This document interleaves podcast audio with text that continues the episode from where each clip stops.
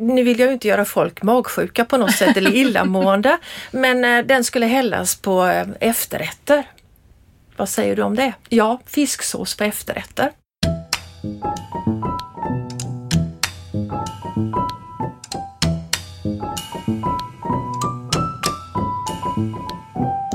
Det här är Matarvspodden. I denna serie möter jag, Lisa Häger, olika forskare och författare och pratar om mat som kulturarv.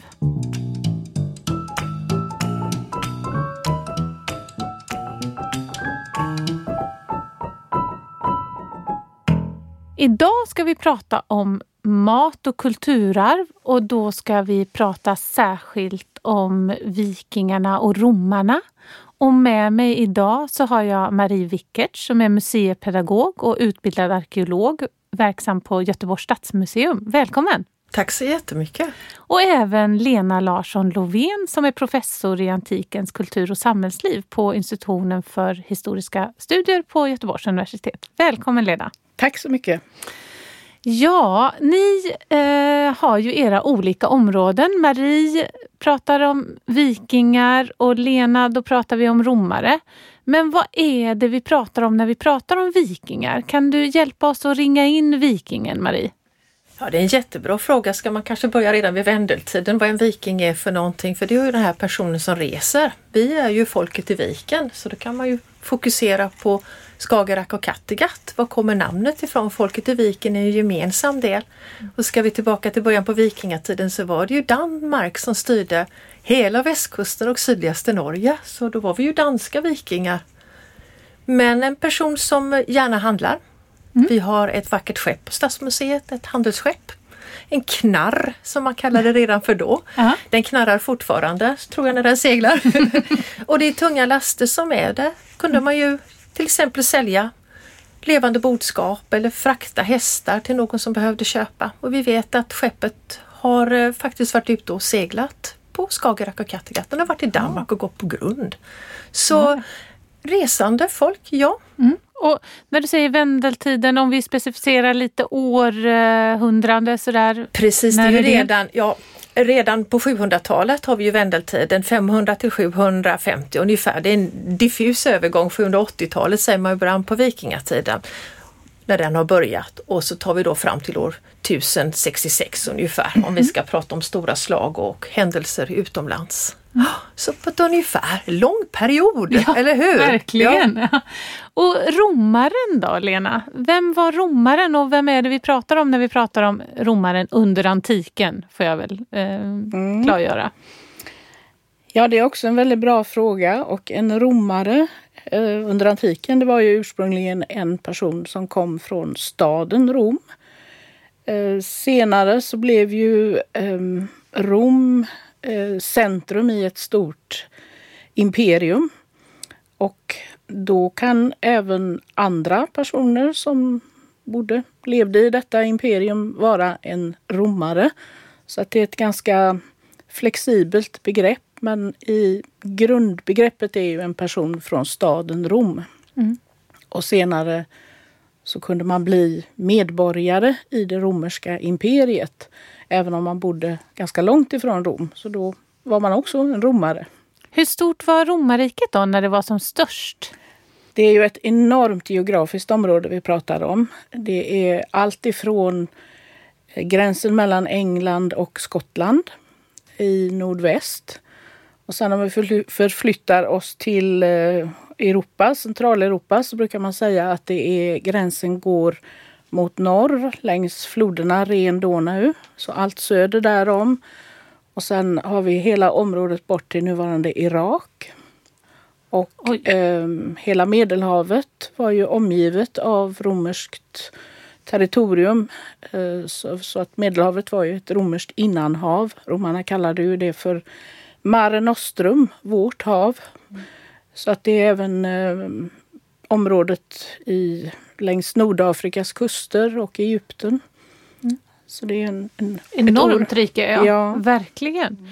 Och om vi pratar tid med romare också, vad är det för tidsåldrar vi rör oss i med romarriket? Ja, det finns ju ett um, mytologiskt årtal när Rom grundades. Och det är år 753 före Kristus. Eh, närmare bestämt den 21 april. det är snart eh, jubileum då? Det, det, är det och denna dag firas fortfarande i Rom som mm. staden Roms födelsedag. Eh, och då var det naturligtvis bara en liten eh, by kan man säga. Det var järnålder i det nuvarande Italien då. Mm. Och därifrån så, så växte ju det som så småningom blev det romerska imperiet ut. Och det fanns ju kvar eh, fram till omkring 500 efter Kristus. Och eh, ännu längre faktiskt i de östra delarna av det forna imperiet där eh, Östrom levde kvar med eh, dåvarande Konstantinopel, nuvarande Istanbul som huvudstad. Så att eh, det är en lång tidsperiod på en 1200 år brukar vi lära ut till studenterna i alla fall. ja. Mm. Nu har vi placerat in romarna och vikingarna i sitt sammanhang, både tidsmässigt och geografiskt. Men nu börjar vi prata om maten då. Vad var det som fanns för mat och mathållning kring vikingen och eh, romaren? tar du vid Lena. Vi börjar i rätt. Ja, vi börjar med romarna. Ja, vi gör Jag ska ta det kronologiskt. Ja. Så, ja. Eh, kan man väl säga att spannmål är oerhört centralt. Det var någonting som alla åt i, eh, i Rom, om vi håller oss till staden Rom. Det är lättare att mm. liksom, koncentrera ja. sig där då, för det är därifrån vi har väldigt mycket information. Eh, och då ska man ju ha klart för sig att staden Rom, ungefär 100 efter Kristus, var en jättestad. Där bodde alltså en miljon människor. Eh, kanske en och en halv miljon. Det finns lite olika beräkningar men alla är överens om att detta är alltså en, en, metropol verkligen. Mm. Och där fanns ju då ett eh, enormt behov av eh, tillgång på mat naturligtvis. Och där, det är där spannmålet, vete framförallt, spelar den, den mest centrala rollen. Och då var man tvungen, för att kunna tillgodose det här behovet i, bara i staden Rom, så fick man importera eh, enorma kvantiteter av eh, vete från framförallt Egypten. Och eh, det här var ju också någonting som man sen då genom politiska beslut bestämde sig för att dela ut till vissa invånare i Rom för att de skulle hålla sig mätta helt enkelt och mm. man ville undvika ja, hungerskravaller. Ja, alltså som ett sätt att, att kontrollera sin befolkning mm. och hålla dem mätta och nöjda med styret helt enkelt. Precis, och alla kanske har hört uttrycket bröd och skådespel. Ja. ja. Och det, det är ett uttryck som myntades omkring 100 efter Kristus av en författare som hette Juvenalis. Som skrev ehm, ja, en del satirer och betraktelser över sin samtid. Och eh, han menade att om bara folk fick bröd och skådespel så var man alltså mätta och underhållna. Så, mm. så var man nöjda och därmed kunde det politiska etablissemanget sköta andra frågor utan att riskera att bli ifrågasatta eller att det blev eh, ska säga, politiska kupper eller hungerskravaller. Mm, mm. Ja, och vikingen då? Jag uppfattar kanske inte den bilden av vikingariket eller vikingatiden som en särskilt eh, politisk eh, organisation så som Rom var. Men vad fanns det för mat kring vikingen? Ja, det är ju fantastiska grejer vi egentligen har när vi bara arbetar med eh, Göteborgsområdet och hissingen som har otroligt mycket spår. Inte bara på boplatserna där man har bott en gång i tiden från vikingatiden, för det har vi också väldigt tydligt. Men även i gravarna så berättar det ju vad man åt för någonting, vad man har fått med sig. För det är ju inte den här vanliga begravningen vi har nu för tiden, där man hamnar i en kista eller någon vacker trälåda eller en liten urna. Utan eh, de hade ju spektakulära begravningar där halva gården följde med. Ibland funderar jag lite grann på, vi skändlar på hissingen. Hur hade man råd egentligen att få med alla de här bitarna. För om man har utsäde så behöver man ju som vi har pratat om säden, eller hur? Mm. Och vi har då råg, vi har korn, vi har även vete. Det finns andra sädeslag också. Och jag tänker framförallt på linet som har odlats, inte bara för att vi ska ha för att väva med utan fröna. Det är ju mm. något som vi än idag använder i våran kost och i våra mat och som är mycket nyttig. Så när man hittar de här spåren i gravarna så är det ju lyxvaror som har kommit ner. Vilka är då de som är begravda? Där är ju spåren. Och även när vi hittar förråden. En, en gård hade ju en fantastisk möjlighet att inte bara göra stolpbordar för att förvara de här förnödenheterna i. Det är en stolpbord, det tänker en, en litet hus som sitter på en stolpe eller fyra stolpar. Mm. Ungefär som en fågelbo som står på en stolpe. Men det finns även fyra och flera flerbenta saker. Man kan ha en, en, en helt träd med rötterna som håller upp de här i vardera ändan i ett hus. Och där kan man ju förvara, då får man undan allt. Vi pratar om möss och andra större djur som vill in i förråden. Det är ju den delen som är. Eller så kan man ha det i tunnor inne. Det vet vi att det har funnits under vikingatiden.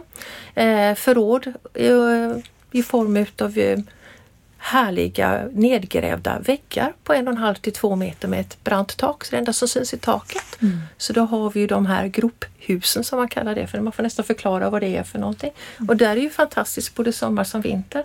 Ingenting fryser utav förråden. Så spannmål måste ju bevaras på ett bra ställe och även det man har odlat som ska sparas.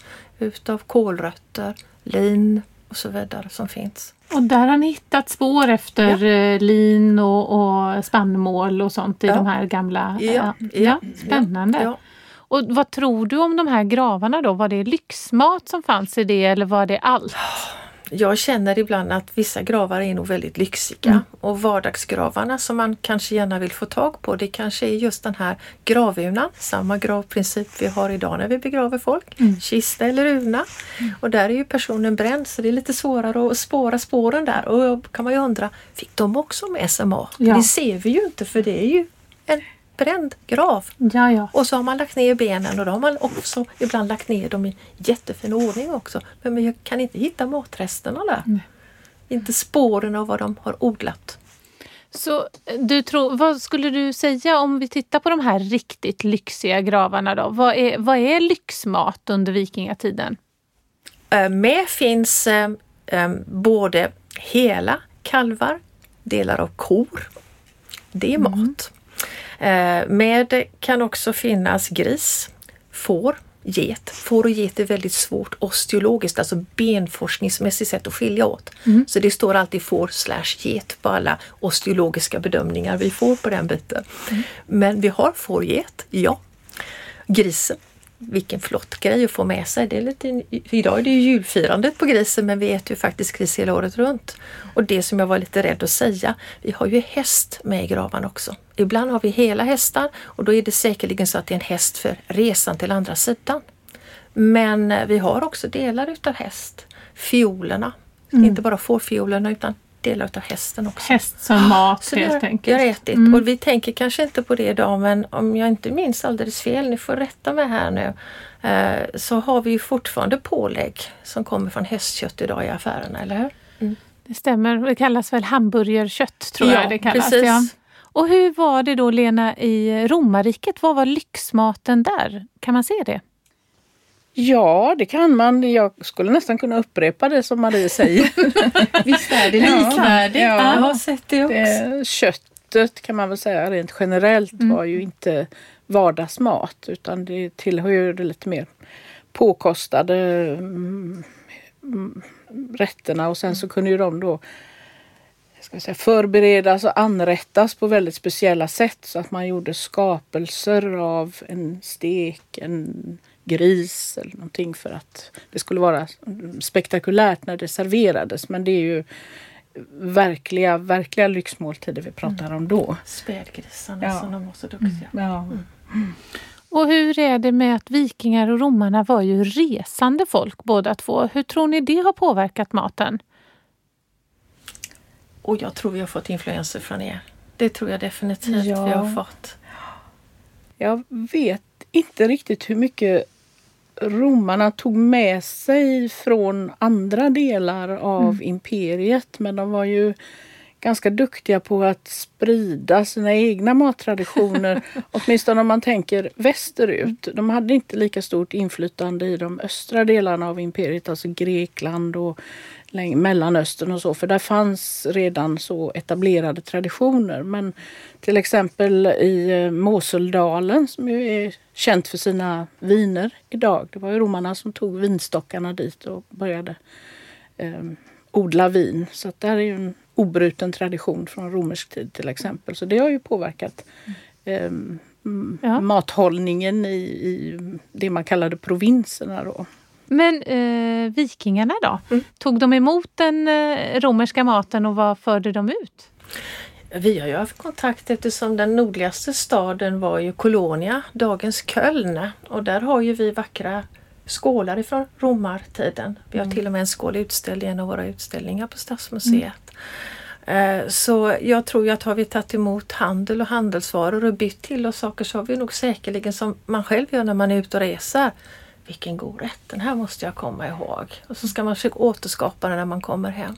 Så ja, jag tror att man har haft ett utbyte och ett gott utbyte av intressen. Och sen är det det som, som är för alla när man reser.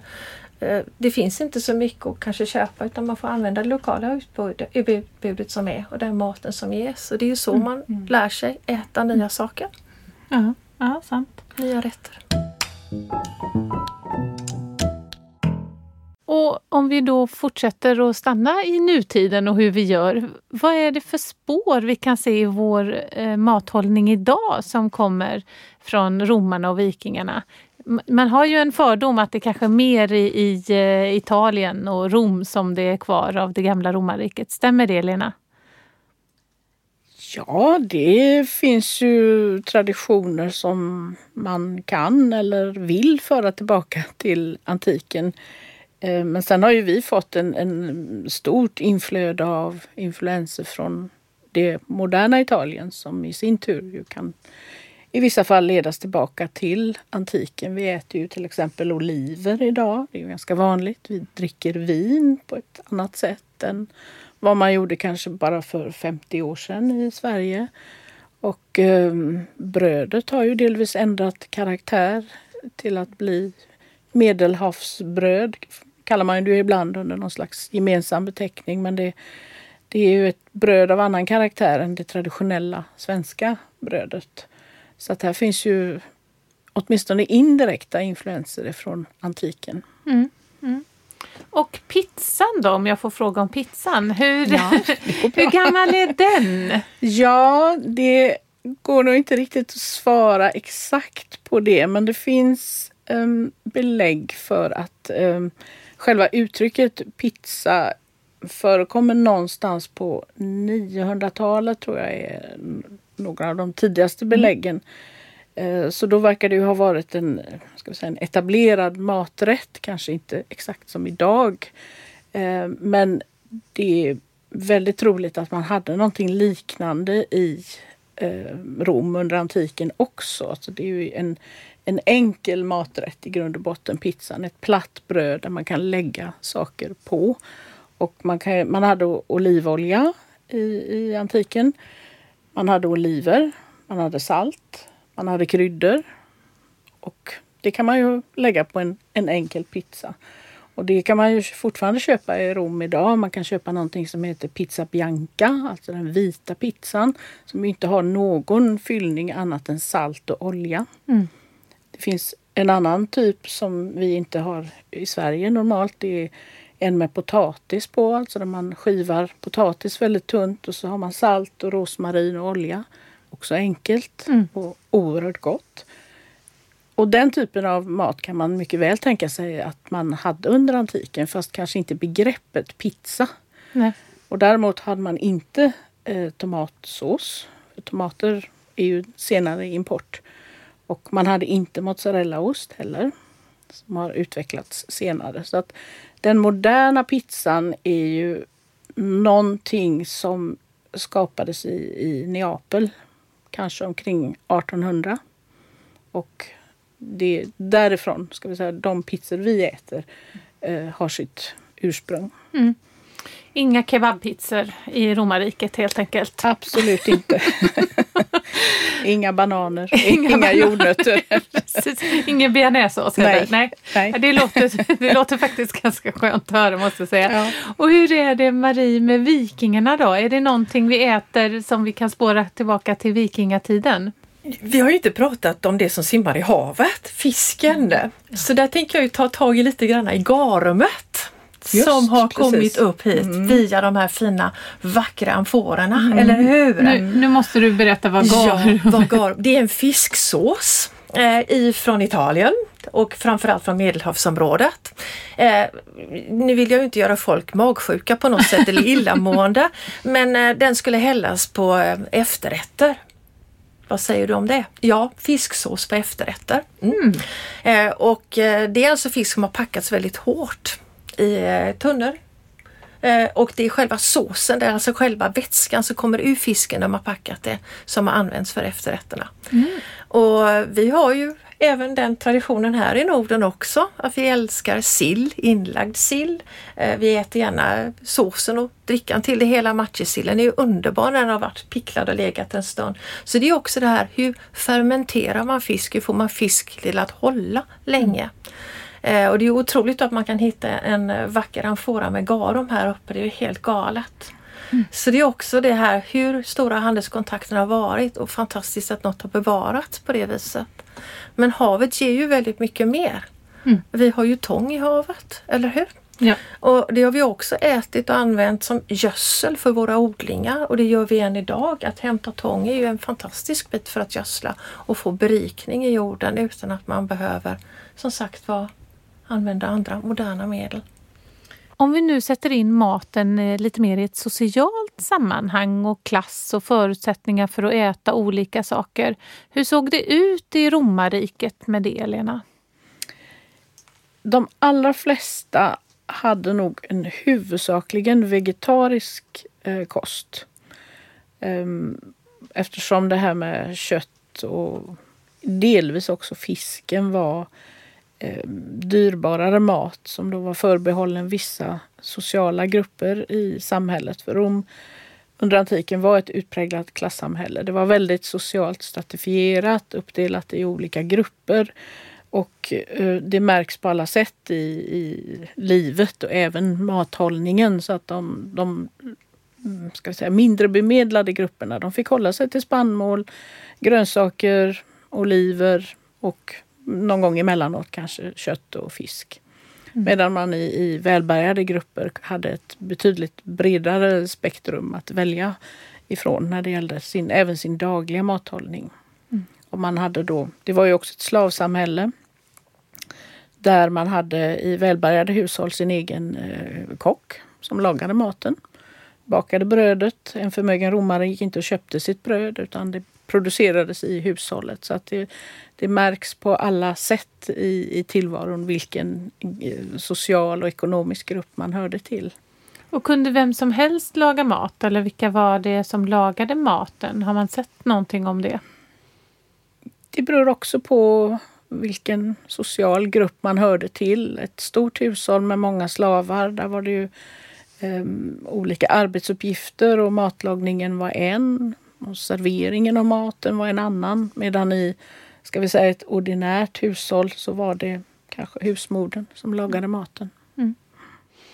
Om vi sätter in maten i en social kontext, Marie, du har pratat mycket om det här, eh, de här stora, stora gravarna och vad som fanns i, i dem. Men eh, vem var det som lagade maten hos vikingarna? Har man sett någonting om det? Och det är ju det där, dels vad vi har ätit och dels vem som har lagat det. Och eh, är det männen ute till havs så får ju de gå i land själva och göra det. De hade möjligheter en gång om dagen att göra det och sen ta med sig maten ombord. Då kan man använda olika sorters förvaringskärl. Tällstenskärl, det är ett kärl som när det blir uppvärmt så håller det värmen i flera timmar. Mm. kan man packa ombord så får man med sig varm soppa ut. För jag tror ju att vardagsmaten är ju som vi alla har pratat om här att det är väldigt enkelt. Det är nog mycket rotfrukter, det är mycket grönsaker, det är sällan kött i maten. Har vi tur så har vi fisken, vi är ju nära havet. Och Och hissingen har varit genomforsat av vattenleder, större och mindre vattenleder och det är nära till de stora öppna haven. Så vi har väl haft en fördel här att vi har kunnat få fisk och äta fisken färsk. Mm. Eh, det är sällan vi hittar fiskben men det händer då och då. Mm, det gör det. Mm. De är svårare. Det är, ja, det är svårare bevar, Exakt, be, be, bevaras inte på rätt sätt. Lite. Nej, men man ja. anar ju att man har använt väldigt mycket mm. fisk och fiskskinn är ju också någonting som går att använda för bruket till kläder eller andra saker. Ängkläder är alldeles utmärkt. Så det är också det här hur man, vad man tar tillvara på helt enkelt. Det är det. Vad hade man för fördomar om varandra då, vikingarna och romarna? Har man hittat någonting om vilka fördomar som fanns mellan de här eh, som faktiskt eh, fanns samtidigt? Ja, den får jag ju svara på direkt där. Vi har ju en liten tunt häfte från Stadsmuseet som heter Mat till tusen. och där har man refererat bland annat till Plinius den äldre. Där de säger, romarna, om oss nordbor. De lever enbart på havregröt. Det är väl rätt bra, ja. Tacitus säger deras föda är enkel, vilda frukter, nyfångat villebråd eller tjock mjölk. Jaha. Och Julius Caesar, det lever ej så mycket av säd, utan mest av mjölk och boskap. Sa Julius Caesar det om oss? Ja. Ja, mm. ja, då har vi konstaterat när det gäller den romerska maten att det är mycket av de sakerna som romarna åt som vi faktiskt kan laga hemma i våra kök fortfarande. Och Marie, du har ju sysslat med något som heter experimentell arkeologi. Det innebär ju att man återskapar saker och ting som man tror att det var under den tiden när man hittat arkeologiska bevis. Och då har du lagat mat. Vad har du lagat då? då? Försökt att rekonstruera det som har funnits av spannmål, eh, rotfrukter eh, och fisk och kött givetvis, men även eh, gräddfilen eller ska vi säga när mjölken får stå och surna och det blir till filmjölk så kan man ju faktiskt värma det och få vasslen och ta bort den och ha till matlagningen. Och det andra blir ju en fin färskost utav. Och det är också det här vasslen, vad kan vi koka där för att till exempel grönsakerna ska smaka mer? Mm. Det är de bitarna som är. Eh, och det blir ju sådana fantastiska maträtter också för har du sen en panna att steka i, för det fanns ju stekpannor på den tiden. Och en av stekpannorna som är hittade i Osebergsskeppet där sitter inte handtaget fast utan den roterande plattan rör på sig. Så mm. då slipper man liksom eh, ta bort stekpannan från den öppna elden varje gång för att liksom skiffla runt maten. Utan man kan liksom bara snurra på pannan. Aha. i ena ändan. Smart va? Mm. Och så stegs alltihopa på en gång. Vi vet att vi har använt olika lökar. Vi har mycket i naturen ute som finns som vi kan använda oss av. Kött och steka på det viset får en härlig smak. Har du lite kött kan du lägga det i grytan men stekt fisk på samma sätt, då har du en fantastisk fiskgryta. Mm. Eller bara steka grönsakerna och det har jag jobbat mycket med. Ja, och då använder jag just linfröoljan, den här naturliga biten som är, eller annan olja som man kan använda. Vi har provat faktiskt med fisk också, lite grann oljan från fisk, hur det smakar. Mm. det är ju smaksättningsmedel som är. Mm. Får vi sältan i det också. Man kan steka tången, lägga i den med.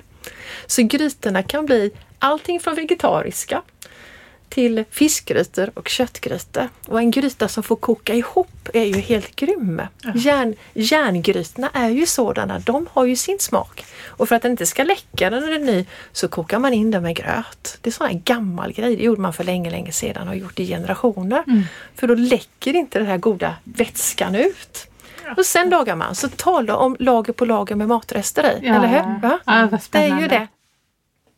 Ja, Lena, och Eh, när man reser till Rom än idag och hälsar på, eller i Italien, så kan man ibland få sätta sig ner vid eh, bordet och det står redan bröd framme.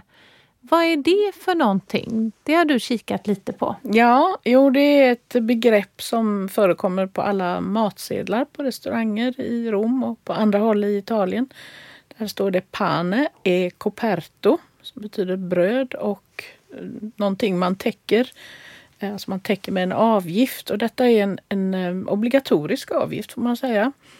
Eh, där man då som gäst på en restaurang så får man en korg med bröd. Det kan vara grissini, sådana här brödpinnar till exempel eller någon annan brödprodukt.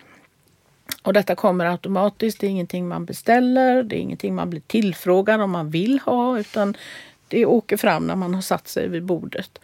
Och då är det en avgift ovanpå det man beställer då som för att äta och dricka under måltiden. Så eh, läggs detta på notan och det är en väldigt gammal tradition har jag förstått som går tillbaka till medeltiden. Någonstans på 900-talet. Och då det fanns eh, värdshus och tavernor på den tiden så kunde gäster komma dit med sin egen mat. Mm. Och det blev ju ingen bra affär för en värdshusägare. Det, det låter inte så lönsamt. Nej. nej. nej. Men det var tydligen eh, accepterat att man gjorde så. Men för att få någon form av inkomst då från de här gästerna med medhavd mat så la man på en avgift för tallrikar eller skedar eller muggar vad man nu tillhandahöll på eh, värdshuset och eh, så fick gästerna förmodligen också bröd för det är ju i princip obligatoriskt till varje måltid. Mm. Eh, och därifrån kommer den här avgiften då så att det är en, en riktigt gammal tradition när det gäller eh, serveringar i Italien. Jag vågar inte lova att det går tillbaka till antiken men det är mm. ju inte otänkbart att det gör det faktiskt. En serviceavgift helt enkelt? Ja. Mm. Mm. Vad spännande.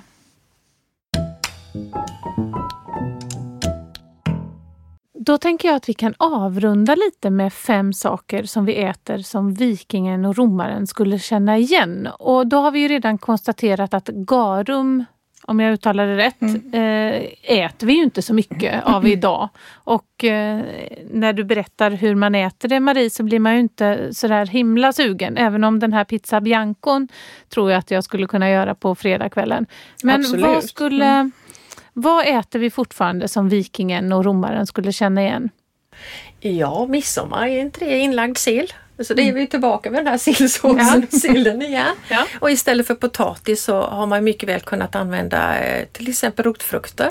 Rosta dem är underbara. Att koka rotfrukt med lite smak i, i vattnet. Mm. Salterna som vi har och andra kryddor. Det funnits mycket kryddor även på vikingatiden och det vet jag att även romarna har haft. Oh ja.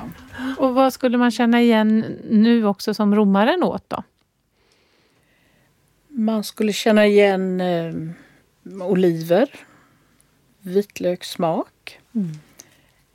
Vinet tror jag inte en romare skulle känna igen för att det var annorlunda under antiken. Jag tror inte att vi skulle uppskatta det antika vinet.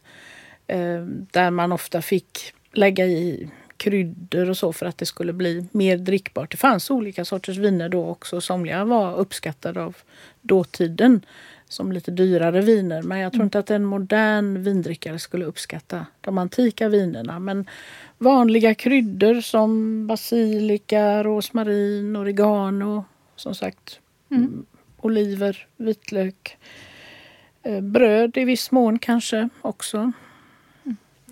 Ändå rätt mycket som är lika mm. som vi har hållit kvar i. De goda sakerna helt enkelt.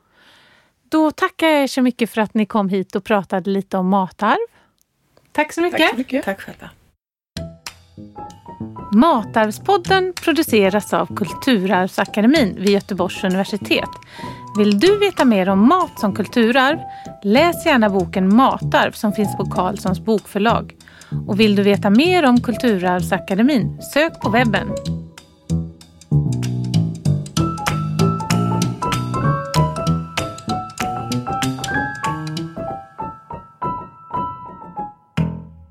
Matarvspodden finansieras av bidrag ur stiftelsen Gustav Adolf Bratts föreläsningsfond och Centrum för kritiska kulturarvsstudier vid Göteborgs universitet.